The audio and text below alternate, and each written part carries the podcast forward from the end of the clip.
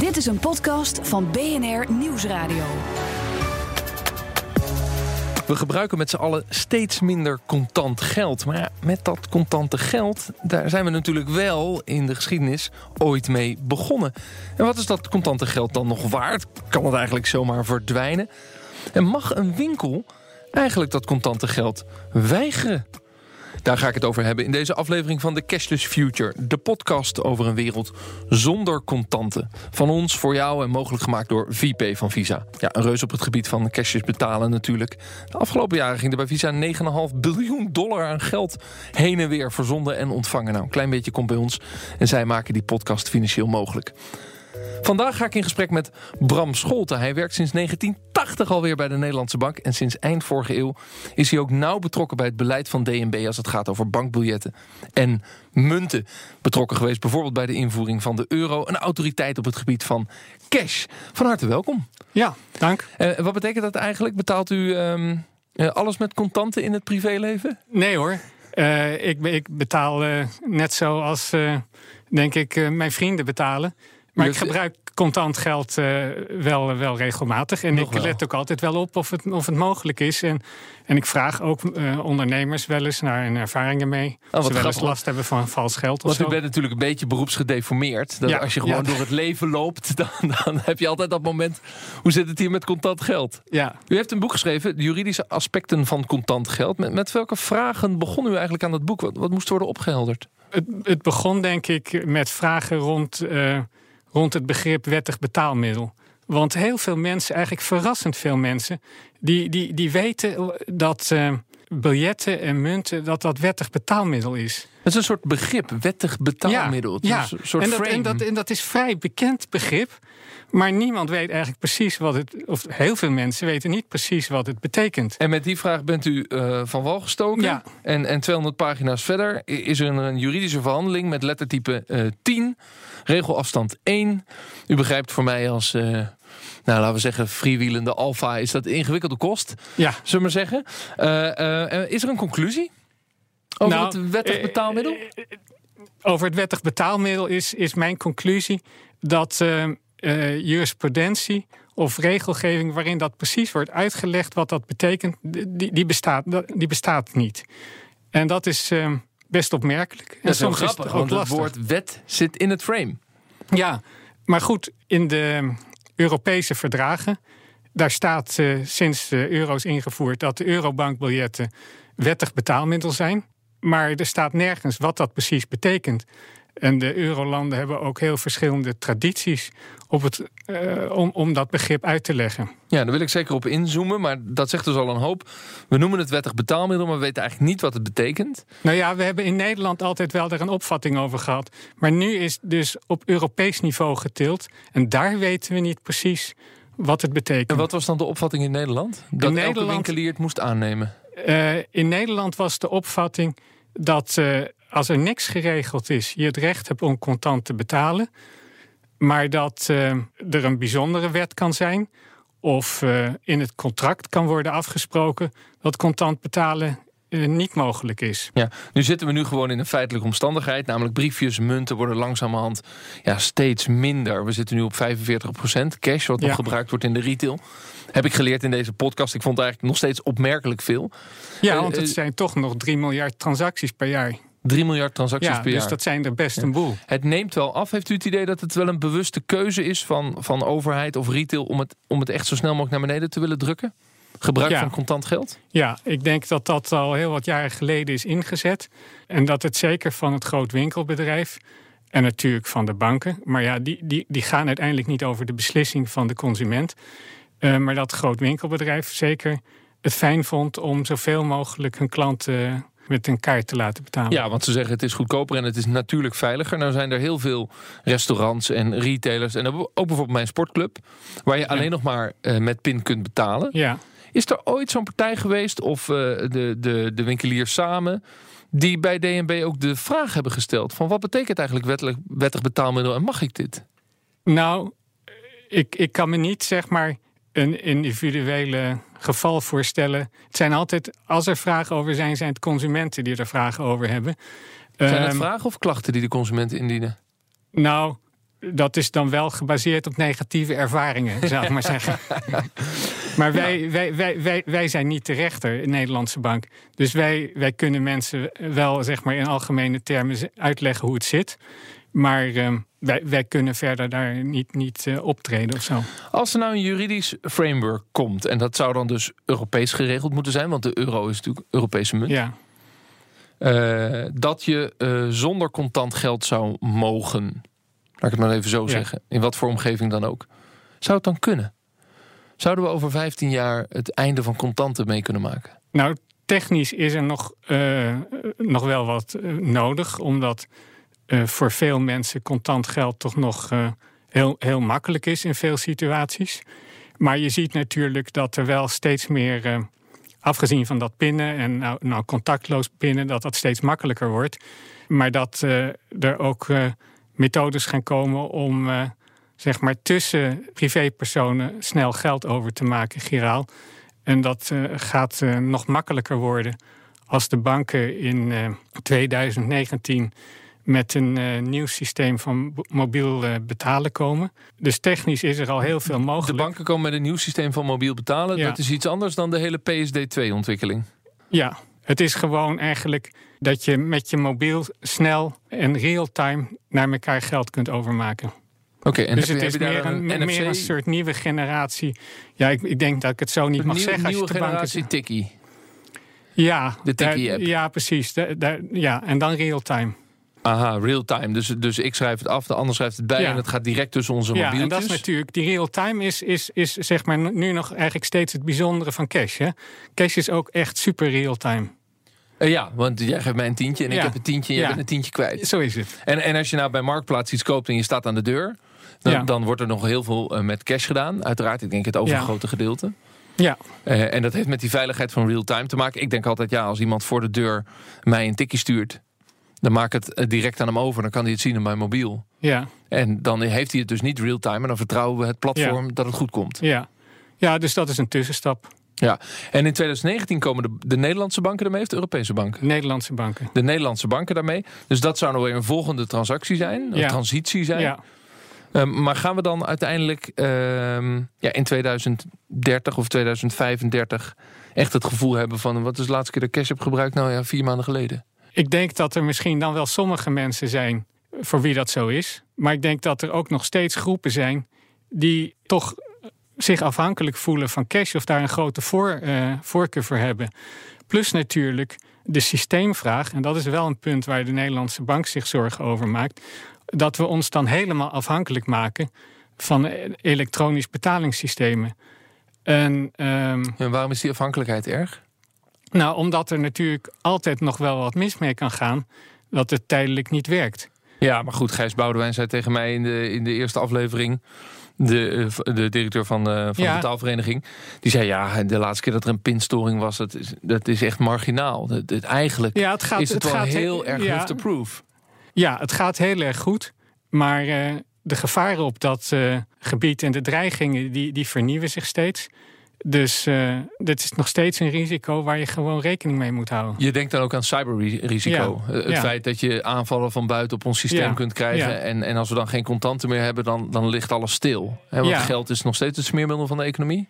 Ja, en het verschil natuurlijk tussen gewoon betalingen die je thuis doet, overmakingen of, of, of incasso's. Die, die, het zijn eigenlijk niet meer zoveel overmakingen die je echt doet. Het meeste is automatisch incasso.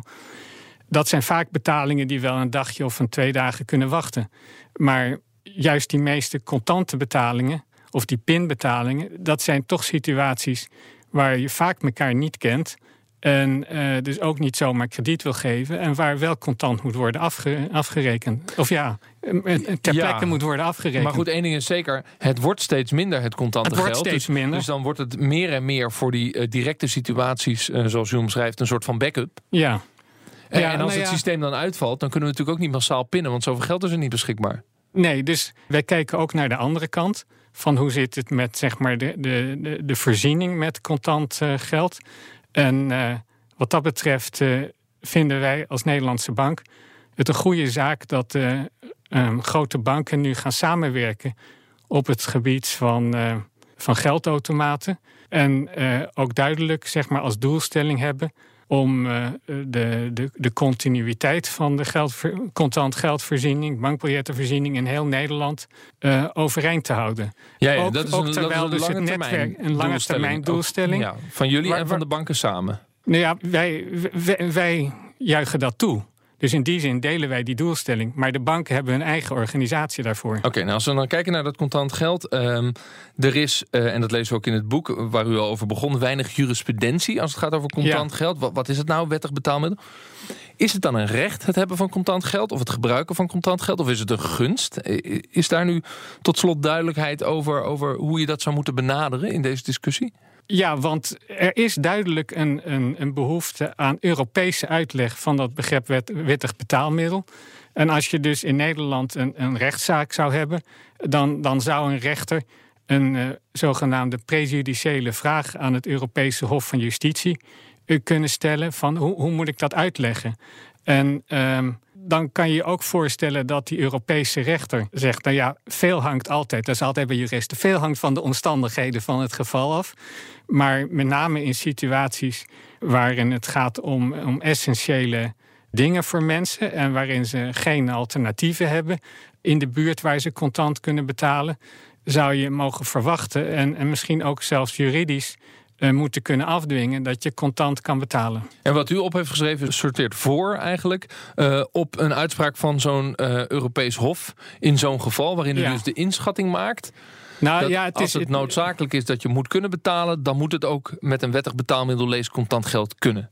Ja, als, als er als er niet zeg maar voor hetzelfde product of dienst ergens anders makkelijk terecht kan waar je dan wel contant kan ja, betalen. en dan moet ik direct denken aan de veerpont, een echt Nederlands Ja. product over de rivier Ja. heen. Ik kan niet ergens anders naartoe, ik wil naar de overkant. Ja. En bij de meeste veerponten moet ik nog steeds contant geld Ja. hebben ja. om over te steken. ja, of het is soms gratis, hè, natuurlijk. En, de, en de luisteraar denkt, waar heb je het over? Je rijdt er op de snelweg. Meestal wel, maar als ik op de fiets stap en ik rijd door Nederland heen... vind ik het heel leuk om de pontjes te pakken. En dan moet ik dus nadenken over dat ik contant geld opneem. Ik praat met Bram Scholten van de DNB. Dankjewel, we zijn zo bij terug.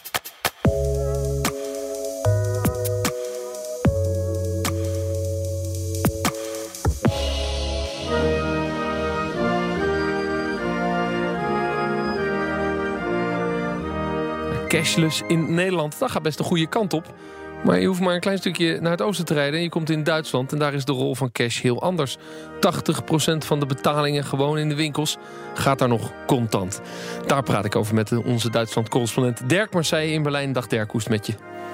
Hoi Maarten. Ja, goed. Ik zat net te kijken hoeveel geld ik in mijn portemonnee heb. Maar het is, het is altijd te weinig. Ja, precies, want ga je nog wel eens zonder contant geld op pad? Kan dat überhaupt in Duitsland? Ja, ik ga altijd zonder contant geld op pad. Want ik, ik ben te lui of ik heb geen tijd om tussendoor te pinnen. Maar het zou eigenlijk wel moeten. Want eh, bij alle kleine aankopen die ik hier doe, heb je contant geld nodig. En dan ben ik weer eens in Nederland en dan pak ik mijn, pinpas. En dan, ja, voor, voor alle bedragen pin je eigenlijk. En dat is zo fijn. Maar in Duitsland is het nog heel ver weg. Eh, wat je al zei, eh, heel weinig met de pin wordt hier, wordt hier gewerkt. Ja, dus wat ik zei, wat die cijfers zeggen, 80% dat klopt dus. En dat betekent dat heel veel winkels of kleine eh, zaken op straat... waar je een broodje gaat halen of een kop koffie... eh, daar, die hebben gewoon geen terminal. Daar kun je niet met een kaart betalen. Nee, nee en uh, dat, dat uh, maken ze ook vaak wel duidelijk. Uh, buiten met allerlei borden. Want ja, Berlijn, waar ik woon, is heel internationaal. En veel internationale gasten verwachten dat wel, dat het aanwezig is. Maar echt, ze kiezen er heel bewust voor om alles via cash te laten verlopen. En dat heeft er vooral mee te maken dat ze ja, niet zulke hoge kosten willen betalen. In Nederland betaal je als winkelier voor een pintransactie vrij weinig. Maar in Duitsland kan het wel oplopen tot 3% van het totale bedrag. Nou, dan zou je duizenden euro's aan zo'n pinterminal moeten betalen. En voor veel kleine winkeliers uh, is dat niet op te brengen. Fascinerend, maar je vraagt je af waarom ze die kosten niet naar beneden brengen. Want de voordelen van minder cash zijn toch ondertussen ook wel duidelijk. Uh, met de voorbeelden in Nederland en andere Europese landen... waar het gewoon echt heel hard gaat met het afschaffen van cash. Ja, we zijn het, ik denk in Nederland, uh, en dat, daar heb ik ook met Duitse winkeliers over gesproken, echt wel een voorloper op dat gebied. Kijk, als veel mensen er gebruik van maken, gaan de kosten per transactie omlaag. Ja, dat is een beetje een kip-ei discussie. Absoluut, ja. Maar er is, zijn door banken in Nederland is er heel veel geld in geïnvesteerd om uh, de pin aan de man te brengen. Er zijn heel veel promotiecampagnes aan, uh, aan besteed. Ook de terminals werden heftig gesubsidieerd. En dat is in Duitsland nooit gebeurd. Dus wat dat betreft kip en ei. Hè. Henne und ei, om het in du Duits te zeggen. Um, uh, maar ja, de situatie is nu eenmaal zo. En, en de, de kosten dus ook een navenant. Maar dat betekent, zie je wel ergens uh, licht aan het einde van de tunnel? Jij bent zelf ook heel veel met start-ups bezig in uh, Berlijn. Zie je daar ontwikkelingen waarvan je zegt... ja, daar komen nieuwe partijen die, die daar iets in gaan doorbreken? Of blijven we gewoon ja, nog tien jaar met cash betalen? Ja, nou, dat, oh, dat zou echt wel een verschrikkelijk vooruitzicht zijn. Maar ja, het zou zomaar kunnen hier in Duitsland. Kijk, um, misschien staan ze ook wel een stapje over. Hè, want Berlijn is echt het, het, het, het hart van uh, de nieuwe technologie van Bitcoin bijvoorbeeld. En heel veel Ethereum-ontwikkelaars uh, die zitten hier. Hè, dat is op blockchains gebaseerde technologie. En sommige winkels in Berlijn kan je al met Bitcoin betalen. Uh, dat is al een reële optie. Dus misschien wordt dat nu wel het grote ding hier in Berlijn. Maar je hebt ook nog wat klassiekere technologie-startups zal ik maar zeggen. SumUp bijvoorbeeld is hier een start-up die al vier jaar met heel veel geld probeert. met zo'n uh, apparaatje op een mobiele telefoon uh, je via een uh, creditcard te laten betalen. Maar ik heb daarvan allemaal niet het idee dat het echt, uh, echt zoden aan het dijk zet. Dat het echt algemeen geaccepteerd gaat, gaat worden.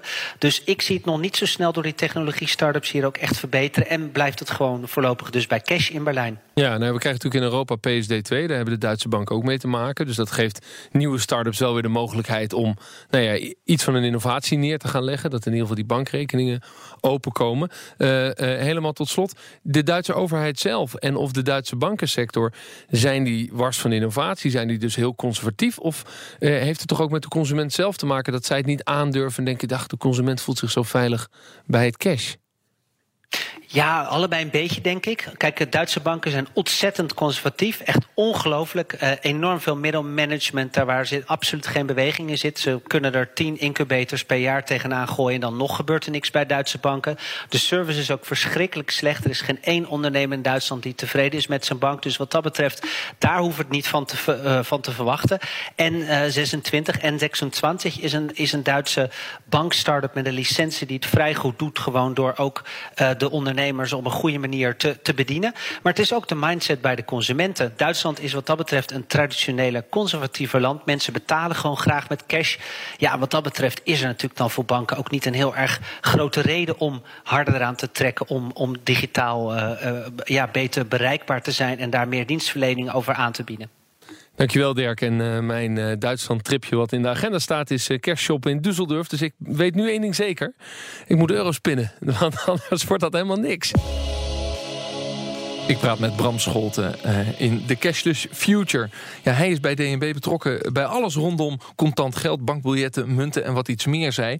Uh, hoe ziet dat er eigenlijk uit, uw werk bij DNB? Uh, u bent de hele dag aan het praten met politiek en bedrijven en met de banken om het contante geld te waarborgen of te beschermen. Hoe moet ik dat zien? Ja, er zitten veel aspecten aan. Zeg maar, een deel van mijn tijd ben ik bezig met de afspraken die we in Europees verband zeg maar, en met name dan in het verband van de Europese Centrale Bank, met de andere centrale banken maken over ja, de regels die we hanteren voor, uh, voor uh, allerlei aspecten van het contant geld. Dus echt als juridisch, juridisch beleidsmedewerker? Ja, be, be, ja. ja. en dan vooral beleidsgericht. En uh, we hadden het er net over die plannen van de banken om te gaan samenwerken bij geldautomaten. Ja, dat zijn, zijn ook dingen zeg maar, waar ik dan vanuit onze optiek over meedenk. Ja, begrijp ik. Dat contante geld, uh, daarvan zeggen retailers, het is best een duur systeem. Ja. Uh, uh, wellicht is het voor banken ook een heel duur systeem. De controle, uh, de uitgifte, de circulatie van het geld. Het hele systeem van geldwagens met alle veiligheidsproblemen die door het land heen rijden. Hoe kijkt DNB er eigenlijk naar? Vindt u het een duur systeem? Het is zeker niet een goedkoop systeem. En naarmate er natuurlijk minder contant betaald wordt, wordt het relatief eigenlijk steeds duurder om de infrastructuur overeind te houden. Ja, pleit dat en, er ook voor om een bepaald percentage te houden? Om te zorgen dat je bijvoorbeeld op 25% contante betalingen blijft steken in het openbaar verkeer op straat. Ja, het dan over. We hebben wel het gevoel dat er een soort niveau is waar je niet onder zou moeten zakken. Maar waar dat niveau precies ligt, dat, dat weten we niet. Uh, we zien in elk geval dat ook in een land als Noorwegen, meestal wordt naar Zweden verwezen, maar ook een land als Noorwegen, waar minstens zoveel eigenlijk gepind wordt als in Zweden, uh, ze toch uh, heel behoorlijk ook ehm, het gebruik en, en, en, het hele systeem rond contant geld overeind houden. Maar is het kostenaspect een argument om het overeind te houden, vindt u? Je moet alles doen wat je kan. En zeker aan de kant van de banken zijn daar veel mogelijkheden om uh, te downsizen met de infrastructuur. Uh, en, en, hem toch nog overeind uh, te houden. Ja, dus, maar dat kan dus natuurlijk. Jullie staan in principe voor die combinatie. Je zult ja. zorgen dat het betaalbaar blijft. Ja. Uh, tegelijkertijd, ja. het, het, wordt steeds minder. Ja. Dus verhoudingsgewijs wordt het steeds duurder.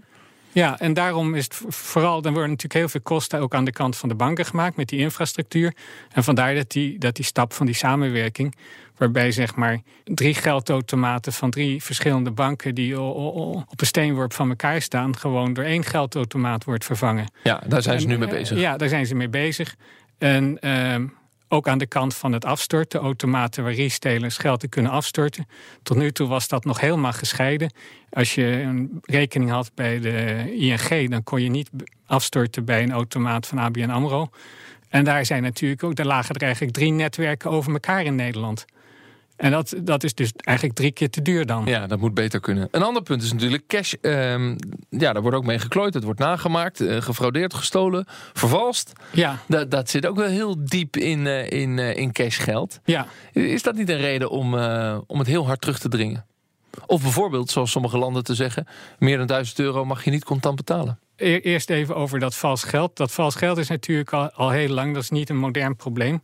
Dat, het, het, het, het zeg maar het vernieuwt zich wel steeds omdat uh, digitale reproductietechnieken natuurlijk allerlei nieuwe uh, en snellere en goedkopere vervalsingen mogelijk maken. Ja, maar jullie worden ook beter in het maken van het geld. Wij worden beter en uh, er wordt goed op gecon gecontroleerd. Er zijn heel veel retailers die toch checken of een biljet echt is. Hoeveel is het nu eigenlijk in Nederland? Nou, Heb je daar een beeld van? Ja, zeg maar het eerste halfjaar van 2017 waren er ongeveer 24.000 zijn er 24.000 valse biljetten onderschept in Nederland. Van gemiddeld 50 euro? Nou, iets minder, want er zijn ook veel twintigjes.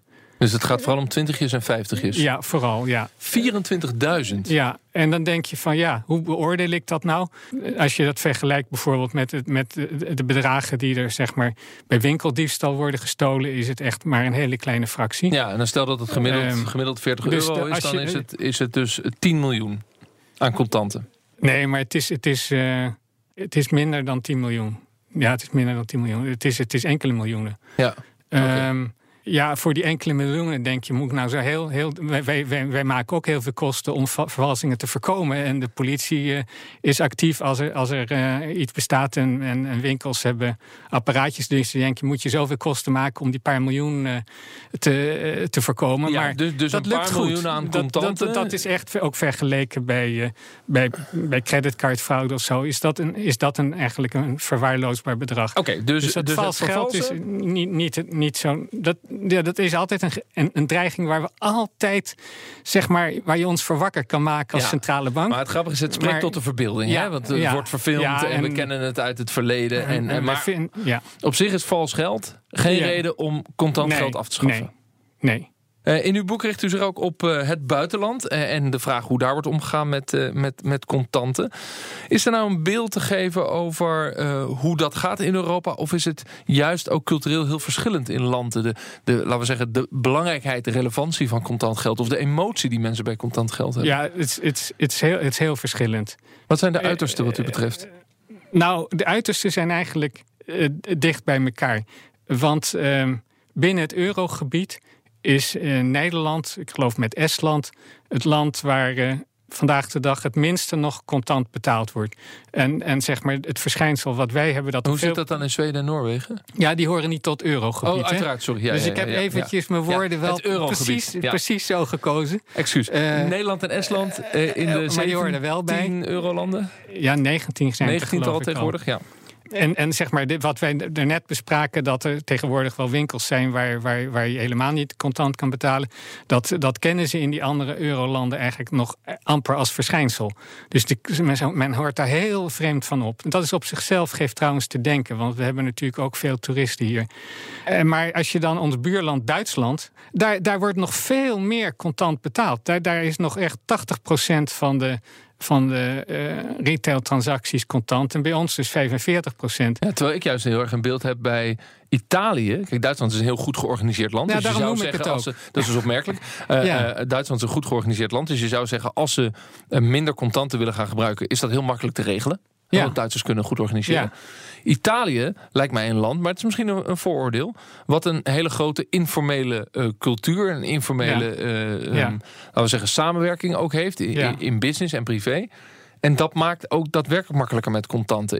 Zie Ja. je dat terug in de cijfers? Ja, ik bedoel, ook daar wordt dus eh, ehm, eh, wel ongeveer net als in Duitsland eh, ehm, eh, eh, contant geld, ge- veel contant geld gebruikt. Ehm, maar het was, ik vond het juist wel aardig om Duitsland te noemen, omdat natuurlijk eh, dat in Griekenland en, en Italië en Spanje veel contant geld nog wordt gebruikt. Dat, dan kom je al gauw weer in, in zeg maar clichébeelden terecht van oh, dat zal Ja, wel. en het is juist opmerkelijk dat de Duitsers Ja, ook nog zo van. ja. Zijn er nog Europese landen, ook in de eurozone, eh, waar mensen bijvoorbeeld hun hypotheek eh, wekelijks of maandelijks contant betalen, of hun verzekeringspremie contant betalen, of hun pensioen contant krijgen? Bestaat dat nog? Nou, in Frankrijk heb je nog veel uitkeringen die contant worden eh, eh, ter beschikking gesteld. Uitkering van de overheid. Ja.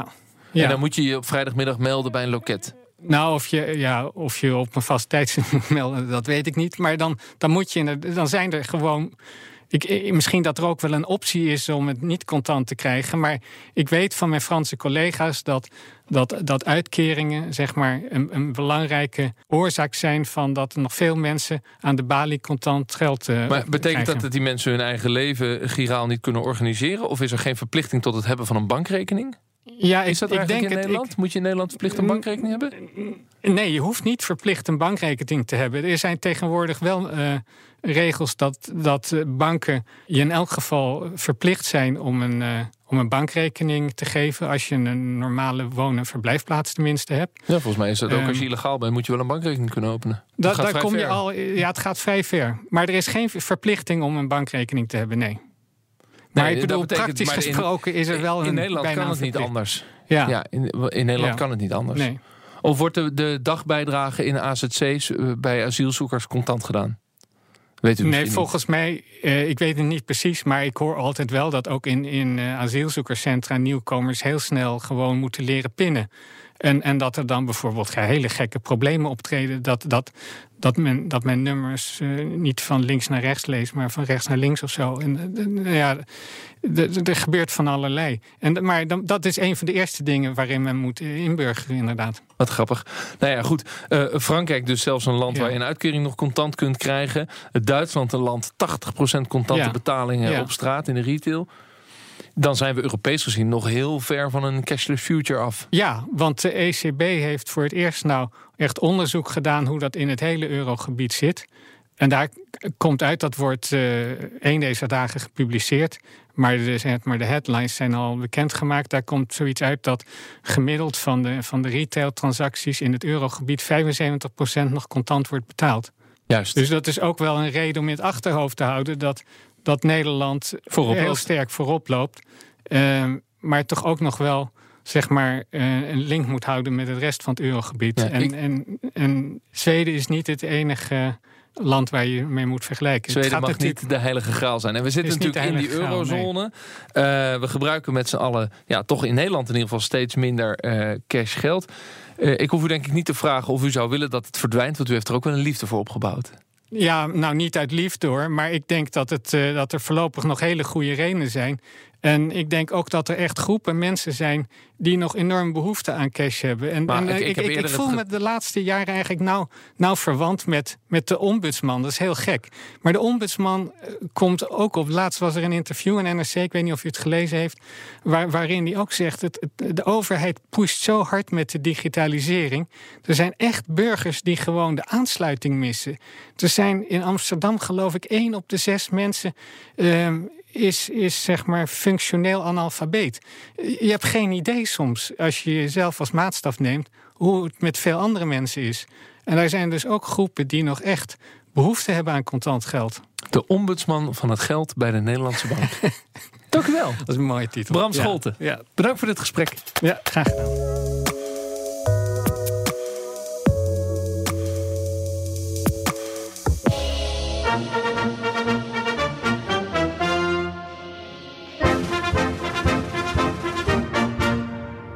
Hebben het al uitgebreid gehad over cashless in Nederland. En hoe cash in Duitsland nog ontzettend groot is. Hoe gaat het eigenlijk in andere Europese landen? Even bellen met mijn goede vriend Donatello Piras. Kenner van het land. Met onder andere die bank met die prachtige naam Monte di Paschi di Siena. Italië dus. Donatello, hoe spreek ik het precies uit? Nou, volgens mij deed het heel goed. Monte dei Paschi di Siena, de oudste bank ter wereld. Eh, en ook de bank van de remmende voorsprong. Hè. Dat, gaat uiteindelijk zo eh, dat de bank inmiddels die al volgens mij drie keer gered van de ondergang. Eh, mooie, mooie, mooi bankenland, introductie van het bankensysteem. Maar ja, gaat het eigenlijk wel goed daar? Ja, dat is de vraag. Want in de podcast The Cashless Future die ik maak... gaan we het hebben over contant geld. Als ik van de snelweg afga in Italië. Gewoon een klein dorpje. Ik ga ergens een, een lekker cappuccinootje drinken. Tot 11 uur s ochtends. Hè, want daarna mag je dat daar niet bestellen. Eh, eh, kan ik dan met mijn, met mijn Visa-card betalen? Of moet ik zorgen dat ik geld bij me heb? Nou, zeker als je een cappuccino gaat doen, en dat is dan meestal in een bar hè, in Italië, dan eh, word je echt wel geacht om gewoon contant te betalen nog. En een, en, en, en een visakaart. En ook de, de, de baankommat, oftewel gewoon de, de betaalkaart. ehm, ja, dat, dat, daar kijken ze toch een beetje gek van op. Ja, elke Ehm, debitcard en creditcard vinden ze daar dan lastig. Dus het is een, een, een- cashland. Ik noemde het dorpje, maar geldt het eigenlijk ook in de stad? Nou, kijk, Italië heeft natuurlijk, eh, is het land van de paradox. Als je gaat kijken naar de infrastructuur van betalen, hè, dan zie je dat Italië eigenlijk meer, dat de Italianen meer bankpassen per hoofd van de bevolking hebben dan menig ander land. En ze hebben ook meer bankautomaten. Hè, dus de, de, de, de, de automaten waar je het geld vandaan pint, hè, de, pin, de, de, de, pinkastjes, die, zijn, eh, ja. die zijn legio. Ja, de ATM's. Meer dan in Spanje, meer dan in het Verenigd Koninkrijk. Meer dan in Duitsland en meer dan in Frankrijk. Alleen als je gaat kijken naar hoeveel betaalt de Italiaan daadwerkelijk met zijn pinpas bijvoorbeeld in de detailhandel. eh, Dan is eigenlijk alleen voor de grotere bedragen. En voor een cappuccino zoals jij net zei, maar ook gewoon in de supermarkt. Ja, dan doen ze het gewoon cash. Ja. Ehm, en het is wat dat betreft een conservatief land. Ja, in Nederland stimuleren de overheid en het bedrijfsleven actief minder cashgebruik. Hoe zie je dat in Italië? Zijn er wel trends? Nou, dat is ook weer een paradox. Als je gaat kijken naar eh, het noorden van Italië en het zuiden van Italië, zie je daar wel een groot verschil. Ik was van de zomer op Sardinië. En eh, zelfs in een hotel daar eh, kijk, kijken ze je af en toe gek aan. Of in een restaurant van ik wil daar met cash betalen. Of ik wil met, met, met mijn creditcard betalen. Dat in een restaurant doodnormaal is in Nederland. Maar in een maar restaurant, gaat als je met vier vrienden zit te eten... en je zit in een mooi restaurant, dan weet ik veel, betaal je 200... of als je heel mooi zit te eten, 300, 400 euro. En dan heb je een paar, paar goede fle- Italiaanse flessen wijn op, zullen we maar zeggen. En dan, en dan gaan ze ervan uit dat je contant betaalt? Nou, kijk, de, de, de, de grote, de beetje luxe restaurants, daar valt het wel mee. Want daar zijn, en zeker internationale restaurants zijn ze het wel gewend. Maar gewoon een beetje het restaurant, in, in, in, in, ieder dorp heeft Italië natuurlijk best wel veel bars en restaurants. Dan is het gewoon heel gebruikelijk om cash te betalen. Als je je pizzatje gaat eten op zondagmiddag met vrienden, zondagavond, dan reken je contant af. En, en dat komt, terug naar jouw vraag, stimuleert de overheid. Land van paradox, Italië. Ja, natuurlijk stimuleert de overheid. Er is zelfs een wet die de winkeliers eh, eigenlijk verbiedt om, ehm, eh, om, om, om het niet aan te nemen. Dus als ik wil pinnen in Italië, dan, dan, dan kan het zo zijn dat er een winkel is waar staat ik mag pinnen. Maar vervolgens zegt de winkelier met een beetje stuursgezicht, ja, hey, kunt u toch niet contant doen. Nou, er is een wet die dat verbiedt in Italië. Maar zoals, nou ja, met die wet is niet nageleefd. Dus er is nu een soort amendement gemaakt, dat is voor, vorig jaar aangenomen, waarbij eh, eh, de boetes worden uitgedeeld aan eh, winkeliers die dat doen. En dat is boete per transactie. En volgens mij kunnen ze tot, tot 30 euro boete per transactie krijgen. Dus als er 10 mensen klagen, nou ja, dan, dan, dan krijgt zo'n iemand 300 euro boete per dag. En dan zouden ze het wel afleren. Dus ze zijn opschuiven. Maar het interessante is dat Italië vanuit, vanuit, vanuit de buitenkant, vanuit Nederland bezien, ook een land is van informele structuren. Uh, uh, en en als het gaat over criminaliteit of grijs geld of zwart geld, dan heb je bij Italië ook een bepaald beeld bij. Um, maakt dat ook dat Italië nog heel erg een contant land is, eerder dan een, dan een giraal land, omdat mensen gewoon zaken met elkaar regelen wat de fiscus niet mag zien? Nou, vroeger was dat heel erg zo. Uh, en ik, ik, spreek eventjes voor en na Monti, de oud-premier, de, de technocraat die zeg maar, uh, het overnam van Silvio Berlusconi uh, een paar jaar geleden. Die heeft toen vervolgens ervoor gezorgd dat er hele strenge wetten kwamen, waardoor belastingontwijking veel minder mogelijk was. Dus pak een beetje tien jaar geleden had je gelijk. Deden ze het met name omdat ze dan gewoon zwart geld konden witwassen. Tegenwoordig heeft het meer te maken met het feit dat met name de kleine ondernemers, de detailhandel, de retail, moet gewoon betalen per pintransactie. 0,2 of 0,3 procent. En dat vinden ze gewoon vervelend, dat vinden ze irritant. En contant geld, dan betalen ze niks. Dus het is gewoon puur een incentive. En tegenwoordig met die wet van de overheid zouden ze dat dus al gaan afschaffen. Zouden het een beetje meer gelijk gaan trekken. En dat zou ook de kleine ondernemer moeten stimuleren om gewoon uh, minder cashgeld in zijn winkel te hebben. Want ook in Italië is natuurlijk uh, een land waar net zoals in Nederland overval plaatsvinden en de veiligheid uh, factor speelt. Ja, maar denk je dat het gaat veranderen dat we in 2025 echt een ander betaalland hebben, Italië, of blijft het conservatief? Nou, het, het, het, zal altijd een beetje een conservatief land blijven. Het, zijn, het, is ook het land waar mensen hun pensioen in het postkantoor eerst cash laten uitbetalen... om vervolgens weer terug te geven aan de, aan de beambten. want dan geloven ze dat het erop staat. Hè. En nog steeds, Donatello? Nou, hele oude mensen wel, maar dat is wel een generatie die uitsterft. Je ziet een nieuwe generatie, zeker in het noorden, ook als je gaat kijken naar bijvoorbeeld de fintech-industrie, uh, is Italië wel stappen aan het maken. Ze lopen nog steeds achter, daar moeten we eerlijk in zijn, met landen zoals Nederland, Duitsland, Scandinavische landen, laat staan Azië. Maar ze komen er wel aan. Dus, Oké, okay, uh, dus in Duitsland... 2025, ja. In Italië uh, beginnen ook fintechs op te staan en begint, beginnen er nieuwe vormen te komen in die, in die financiële wereld? Uh, ja, dat zie je wel erg, gebeuren. Heel erg. Ja, ja, dat zie je heel erg gebeuren. Alleen ook daar weer is er een enorm verschil tussen het noorden en het zuiden. Als je gaat kijken naar de alle fintech-industrie, 77% zit in het noorden. En dan met name rond de financiële hoofdstad van Italië, en dat is Milaan. En daar zit echt uh, uh, fintech city en daar zie je heel veel start-ups. En als je kijkt naar de fintech-industrie, het is niet te vergelijken met, met landen zoals bijvoorbeeld uh, nou, het London City of Azië. Nederland doet het een beetje zoals Zweden. Dus dat is qua grootte heel gek, want Italië is veel groter. Maar het is niet heel slecht. Dus het is een beetje een middenmootland. Dus we lopen nog steeds wel achter. Maar het komt steeds meer op. En per jaar, ze verwachten in 2017 echt een stijging op het gebied van de starters, op het gebied van fintech in Italië. Oké, er wordt gewerkt aan innovatie, maar als ik eh, naar Italië op vakantie ga, zorgen dat ik contanten meeneem. Hoewel ik ze wel heel veel kan pinnen. Dus dat probleem lossen de Italianen dan wel weer voor me op. Dat is dan, dat is dan toch prettig. Dankjewel Donatello. Uh, fijn om met jou eventjes hierover van gedachten te wisselen en de vakantieplannen weer een beetje op te rakelen.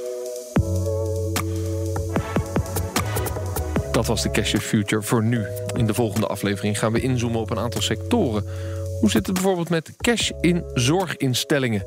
waar mensen wonen met een beperking en die geld gebruiken? En hoe werkt het bijvoorbeeld als je een weiland hebt... je zet een festivalterrein neer en er komen 30.000 mensen... en die moeten allemaal betalen? Daar gaan we het in de volgende aflevering over hebben. Wil je deze podcast delen met geïnteresseerden? Heel graag. Loop je tegen problemen aan? Let me know, we helpen je. We zijn bereikbaar via cashless.bnr.nl. BNR, de Cashless Future, wordt je aangeboden door VP van Visa.